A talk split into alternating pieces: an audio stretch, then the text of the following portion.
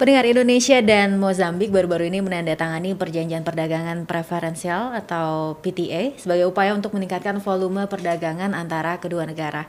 Dan untuk mengetahui manfaat dari perjanjian tersebut telah bersama saya di studio Ibu Nimade Ayu Martini, Direktur Perundingan Bilateral Kementerian Perdagangan. Mm -hmm. Gimana kabarnya Bu? Baik sekali Mbak, terima kasih. Sehat-sehat ya. Sehat. Terima kasih sudah mau meluangkan waktunya ke Voice of Indonesia. Karena kalau dari judul namanya ini kan perundingan bilateral, biasanya nih pasti ke mana-mana nih. ke seluruh negara. Ke seluruh negara seluruh ya. Negara. Asik kalau nggak untuk kerja ya. kalau untuk jalan asik, kalau kerja harus mikir terus nggak sempet ngelihat. Okay, Tapi tetap mengasihkan, hmm. harus dibawa asik. Tapi ini ke sini juga dalam rangka kerja, tapi yeah. ini memberikan informasi kepada masyarakat nih yeah. tentang uh, yang baru-baru ini mengenai uh, setelah tiga putaran perundingan ya Bu ya, yeah, Indonesia betul. dan Mozambik menandatangani perjanjian perdagangan preferensial dan menjadi perjanjian perdagangan pertama yang dimiliki oleh Indonesia di negara kawasan Afrika. Dan kita tahu ya sejak uh, Pak Jokowi diangkat memang ya bahwa Indonesia gencar melakukan pendekatan betul. dan juga penjajakan ke hampir seluruh negara di benua Afrika. Ya. Nah, pertanyaannya, kenapa Mozambik, Bu? Ya, oke. Okay. Pertanyaan yang baik. Kenapa Mozambik? Jadi gini, di sebetulnya kita ingin sekali me, melakukan atau mengadakan perundingan dagang dengan negara-negara lain yang hmm. penduduknya lebih besar, hmm. ekonominya lebih maju gitu hmm. ya. Namun ada kendala dalam arti mereka itu uh, masuk ke dalam uh, kelompok dagang sehingga mereka nggak bisa untuk melakukan perundingan secara bilateral. Hmm. Jadi contoh ya, hmm. Afrika Selatan kan besar ya, besar dan potensial dan kita ekspornya banyak. Nigeria hmm. juga, tapi mereka nggak bisa langsung Nigeria Indonesia atau Afrika Selatan Indonesia. Mereka harus misalnya ke Saku, hmm. Saku itu yang South Afrika, kemudian ECOWAS. Hmm. Nah, ini memerlukan waktu. Kami dari Kementerian Perdagangan atas nama pemerintah sudah mengajukan surat tiga tahun yang lalu. Hmm. Kami bersedia dan tertarik gitu ya. Tapi sayangnya masih dalam proses, mereka juga ada internal dan sebagainya. Kemudian untuk Mozambik, Mozambik ini tidak masuk dalam uh, custom union mana pun hmm. ya namanya ya. Jadi dia sendiri. Jadi bisa. Hmm. Jadi ketika kita approach pada saat IORA 2017 bulan Maret itu presiden kedua presiden bertemu terus bilang bagaimana kalau eks, uh, perdagangan kita ditingkatkan bagaimana caranya salah satunya perjanjian dagang setuju setelah itu tahun berikutnya di follow up oleh kami tim teknis akhirnya berunding dan selesai jadi bisa itu yang kedua yang ketiga, ternyata Mozambik itu dari segi um, geografis cukup hmm. strategis. Hmm. Dia itu langsung di bawah uh, mem, uh, masuk ke ocean gitu ya ke uh, ke apa sih istilahnya ya ke laut lepas dan mereka memiliki garis pantai yang cukup panjang mm. dan ada uh, seaport mm -hmm. atau um, apa namanya uh, uh, uh, apa namanya seaport uh, yang yang besar mm. dan menjadi uh, apa uh, tempat untuk ekspor dan impor. Nah, dari faktor-faktor tersebut dan mereka itu berbatasan dengan beberapa landlocked countries, Zimbabwe, kemudian Malawi mm -hmm. yang produk-produknya harus lewat Mozambik. Mm -hmm. Nah, dari sana kita berpikir ah ini strategis. Walaupun Mozambik sendiri itu penduduknya kecil ya, mm -hmm. tidak banyak ya, eh, uh, 26 juta gitu. GDP-nya juga belum tinggi gitu karena mereka masih least developed countries, tapi kami melihat potensi. Mm -hmm. Dan bagi Indonesia kita harus mulai ya kita harus mulai pertama dulu sebelum ke negara lain hmm. karena Afrika itu sebetulnya adalah benua masa depan benua yang penuh dengan growth gitu atau pertumbuhan begitu hmm. itulah mengapa kita berunding dengan Mozambik selain dengan memang potensi perdagangan kedua negara yang cukup besar dan masih banyak hal yang bisa dikembangkan begitu ya bu ya? Betul. ya hmm. Oke, dan ini kan PT, PTA ini merupakan perjanjian yang menurunkan tarif biaya masuk untuk hmm. beberapa produk yang menjadi kepentingan dari masing-masing negara ya Bu ya. Betul. Dan uh, tentunya untuk meningkatkan volume perdagangan, selain itu juga ada manfaat langsung yang bisa didapatkan oleh pengusaha Indonesia dengan adanya penandatanganan ini Bu. Ya, manfaat langsung yang hmm. kalau ini udah berlaku adalah tarif. Hmm. Jadi di negara-negara Afrika itu rata-rata tarifnya agak tinggi ya yeah. dibandingkan dengan negara-negara di Asia misalnya gitu ya atau apalagi di di Eropa mm -hmm. maupun Amerika. Nah, ke, ke sana artinya kita agak, agak lebih mahal produknya. Mm -hmm. Nah, dengan perjanjian ini yang namanya makanya disebut preferensial, mm -hmm. preferensi gitu ya. Kita akan mendapatkan tarif yang kalau nggak nol mm -hmm. ya lebih baik gitu. Nah, jadi ketika kita ekspor ke sana dengan adanya perjanjian ini, barang-barang kita akan lebih murah mm -hmm. gitu. Itu itu itu udah keuntungan yang langsung di depan mata lah, yeah. gitu yang kita bisa dapatkan. Oke. Nah kalau untuk produknya apa aja nih Bu? Yeah. Karena kan uh, saya pernah dengar nih kalau misalkan uh, Indomie, mie instan, sama ya. sabun-sabun kita tuh sangat diminati Sukai. ya, disukai ya betul. di Afrika ya. Betul. Hmm. Ya, betul sekali. Jadi sabun salah satu produk yang kita ekspor cukup tinggi di Mozambik hmm. ya. Terus uh, ada juga uh, minyak, hmm. minyak goreng uh, atau minyak sawit itu disukai sekali. Mm -hmm. uh, bahkan ekspor tertinggi Indonesia ke sana adalah itu. Kemudian kita juga ekspor uh, kertas, kertas untuk sekolah, mm -hmm. fotokopi dan sebagainya. Uh, kemudian beberapa produk-produk untuk uh, industri, mm -hmm. untuk uh, industri olahan.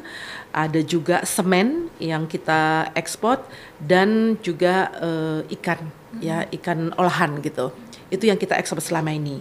Nah, dengan IMPTA ini, Indonesia Mozambik PTA ini, kita akan mendapatkan tarif yang lebih baik untuk beberapa produk. Uh, contohnya uh, produk perikanan hmm. ya itu diturunkan, Min, uh, minyak kelapa sawit juga diturunkan hmm. ya selama ini uh, cukup tinggi yeah. Ya. uh, tarifnya.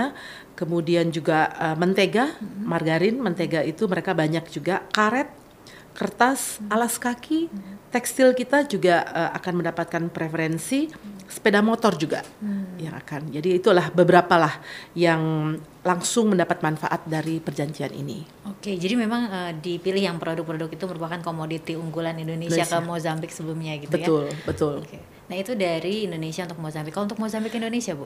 Uh, Mozambik ke Indonesia uh, kita berikan mereka preferensi tarif mm-hmm. untuk produk-produk yang kita tidak produksi ya, okay. terutama.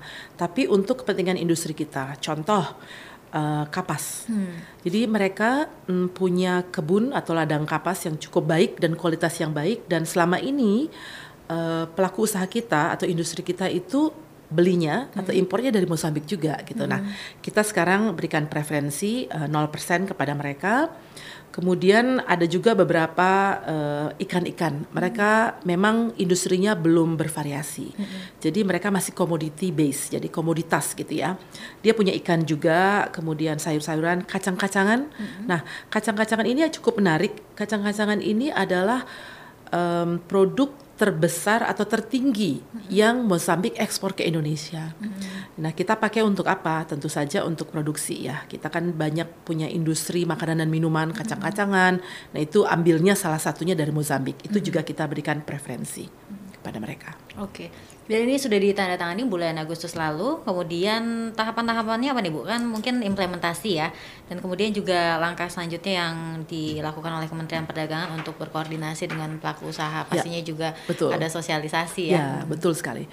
Uh, pertanyaan yang baik. Jadi setelah kita tanda tangani hmm. uh, Bapak Menteri Perdagangan tanda tangan dengan Menteri Perdagangan Mozambik tanggal 23 Agustus, hmm. yang kita lakukan sekarang adalah mempersiapkan ratifikasi. Hmm ratifikasi itu untuk kita bawa maksudnya eksekutif hmm. atau pemerintah sampaikan kepada DPR ya. Hmm. Uh, jadi, jadi sekarang kita siapkan analisa SWOT-nya, surat dukungan dari kementerian dan lembaga, kemudian juga uh, dari asosiasi. Hmm. Nanti presiden uh, kami akan menyampaikan kepada presiden melalui Kementerian Luar Negeri untuk disampaikan kepada DPR. Nah, sementara itu kami gunakan waktu ini untuk sosialisasi, hmm. mempersiapkan jika nanti sudah istilahnya entry into force mulai berlaku gitu ya, itu kita siap. Hmm. Jadi kemudian mempersiapkan juga formnya, hmm. formnya itu ada form khusus lah untuk mendapatkan preferensi ini. Kita kerjasama dengan Kementerian Perdagangan dari dit fasilitasi, kemudian kita juga kami juga berkoordinasi dengan DigiPen, hmm. uh, jadi pengembangan ekspor nasional sehingga dipromosikanlah produk-produk Indonesia itu di Mozambik. Kemudian kerjasama juga dengan Kementerian Luar Negeri, duta besar kita, mm-hmm. uh, kita punya KBRI di sana, Mozambik juga punya embassy di sini. Bagaimana berdua ini saling kerjasama untuk saling promosi, mm-hmm. itu tak kalah pentingnya juga. Mm-hmm. Jadi itulah yang kita lakukan saat ini. Uh, di samping juga yang tak kalah penting adalah Kadin, Apindo, dan eksporter asosiasi. Jadi mereka uh, harus lihat ini sebagai sebuah kesempatan kesempatan baik untuk diversifikasi dan untuk meningkatkan ekspor bukan hanya ekspor ke negara-negara yang selama ini secara tradisional gitu ya, tapi ini baru baru dan uh, semoga bisa dimanfaatkan sehingga ekspornya meningkat gitu apalagi produk-produknya tidak banyak hmm. tapi fokus gitu. Oke okay. tapi kalau untuk implementasi dan sosialisasinya ini biasanya ada tantangan sendiri nggak sih Bu? Ya biasanya gini tantangannya itu banyak sekali uh, mindset ya atau hmm. apa istilahnya ya masih ada pemikiran aduh negara Afrika gitu oh. jauh kemudian mereka uh, relatively hmm. tidak mampulah beli barang kita enggak loh saya pergi saya ke, dengan pekerjaan hmm. saya ini saya keliling ke benua Afrika itu banyak sekali dan luar biasa hmm. mereka berge ke pembangunannya juga lagi bergeliat hmm. ada investasi di sana kan kemiskinan sudah menurun mm -hmm. drastis di negara Afrika ya di kawasan Afrika. Itu bagus sekali. Middle classnya mulai meningkat kemudian mereka punya industri mulai. Nah ini sebetulnya kalau kita tidak manfaatkan sekarang kita akan kalah mm -hmm. di negara-negara lain. Nah tapi ketika kami sosialisasi ini yang kita dapatkan. Bu Made kenapa sih harus ke Mozambik? Kenapa harus Afrika? Nah kami harus jelaskan. Ini loh ini loh. Makanya kita punya uh, bukan kita maksudnya hmm. uh, uh, industri Indonesia atau pelaku usaha Indonesia tuh invest hmm. di kawasan Afrika Indomie misalnya hmm. betul tadi dibilang hmm. saking sukses dan disukainya sampai dianggap itu produk lokal ah. segitunya hmm. dan di contohnya waktu kami pergi ke uh, mana ke Nigeria di hampir di semua rumah tangga gitu. Hmm. Ketika buka istilahnya tempat makanan gitu ya, ketika mereka buka pasti ada Indomie yang hmm. disediakan. Jadi segitunya dan ketika kami Pak Menteri dan kami uh, adakan misi dagang, hmm. kami duduk di sebelah ini cerita aja nih, hmm. duduk di sebelah orang gitu. Oh ada ada dari Indomie datang gitu kan bercerita di depan panggung. Loh Indomie dari Indonesia ya sampai dia begitu. Iya, wow saya tidak tahu loh begini begini begini. Jadi itulah betapa sebetulnya dan dan marginnya hmm. atau atau keuntungannya luar biasa. Hmm. Jadi malah akan nambah sekarang di beberapa kawasan lagi dan lain dan lain-lain. Nah, untuk itulah sebetulnya dalam sosialisasi ini kami kami selalu sampaikan produk atau ekspor barang itu satu hal. Hmm. Nanti harus dibarengi mau tidak mau ya atau nanti ada opportunity untuk investasi. Hmm. Invest di sana, buka pabrik, yang kita mendekatkan diri dengan pasarnya langsung gitu. Jadi perusahaan Indonesia pun global akhirnya. Hmm. Ya tentu saja itu kan urusan bisnis ya. Hmm. Jadi mereka punya hitung-hitungan lah ya. Tapi menurut kami menguntungkan. Hmm. Dan kalau sudah global kan lebih menguntungkan gitu untuk uh, eh, IPO nantinya dan sebagainya, sebagainya. Jadi arahnya sebegitu itu. Jadi kita harus bersaing gitu. Hmm. Kalau enggak negara lain yang akan masuk. Negara-negara pesaing kita yang akan duluan. Kita nggak boleh terlambat lagi. Oke, ini boleh jadi catatan nih untuk pengusaha-pengusaha ya. Betul. Jadi mindsetnya perlu diubah Ubah. nih tentang Afrika. Ini saya mau agak uh, sedikit melebar nih Bu. Kan bahwa Kementerian Perdagangan uh, sangat aktif ya dalam hal ini pemerintah untuk menaikkan perjanjian perdagangan untuk meningkatkan ekspor ke negara-negara alternatif seperti Afrika dan memang selain untuk mengenjot ekspor, seberapa efektif sih upaya ini untuk uh, menekan dampak negatif perang dagang Amerika hmm. dan China, Bu? Ya, betul. Pertanyaan bagus dan relevan hmm. ya, karena betul saat ini terjadi tensi. Ya. Tensi di antara dua negara atau beberapa negara uh, ekonomi besar di dunia. Dan kita saat ini seluruh seluruh negara lagi menu, bukan menunggu ya, tapi mengamati ini ke mana arahnya. Hmm. Kita lagi assess atau me menganalisa dampaknya apa yang langsung maupun tidak langsung. Yang langsung tentu saja yang kita agak khawatirkan nanti produk-produk yang sudah diproduksi dan tidak dibeli oleh salah satu negara tersebut didam hmm. ya atau didamping ke negara-negara di dunia. Nah, itu yang kita waspadai. Kedua, dengan adanya perubahan atau pergantian atau disrupsi dari ini artinya apa? Karena RRT contohnya Tiongkok itu beli banyak sekali produk dari kita yang mereka olah untuk ekspor. Kalau produknya menurun atau ekspornya menurun, apa artinya? Mungkin dia tidak beli lagi dari kita. Nah, hal-hal ini yang harus kita uh, amati dengan baik ya. Jadi harus kita harus berpikir, oke, okay, kita nggak bisa hanya menggantungkan diri dari satu pasar besar ini hmm. karena memang Tiongkok adalah uh, trading partner gitu yang terbesar. Kita harus cari yang lain gitu ya. Namun kami juga melihat ini kesempatan sebetulnya. Hmm. Jadi tensi dagang saat ini kita harus lihat positifnya. Kalau hmm. mau lihat positifnya, oke, okay, bagaimana kita mengambil manfaat atau take advantage istilahnya dari situasi ini di mana Amerika misalnya tidak beli lagi dari Tiongkok, barang-barang apa yang Amerika beli dari Tiongkok yang mereka nggak beli lagi. Nah, kita masuk di sana, kita ekspor dengan kompetitif ya hmm. dari segi harga, kualitas, desain dan sebagainya yang cocok. Kalau misalnya cocok dan kompetitif, berdaya saing, Amerikanya akan ambil, ambil dari Indonesia pasti. Hmm. Nah, itulah kesempatan kita yang kita inginkan. Itu dari segi dagang, dari segi investasi juga loh. Hmm dengan adanya tensi ini, sayangnya banyak ada relokasi ya yang terjadi. Jadi ini juga mengganggu gitu ya untuk dunia ya. Mm -hmm. Namun bagi Indonesia ini kesempatan. Mm. Oke, okay, mereka relokasi nih. Bagaimana caranya mereka bisa relokasi di Indonesia juga gitu. Nah, untuk itu kita harus atraktif kan.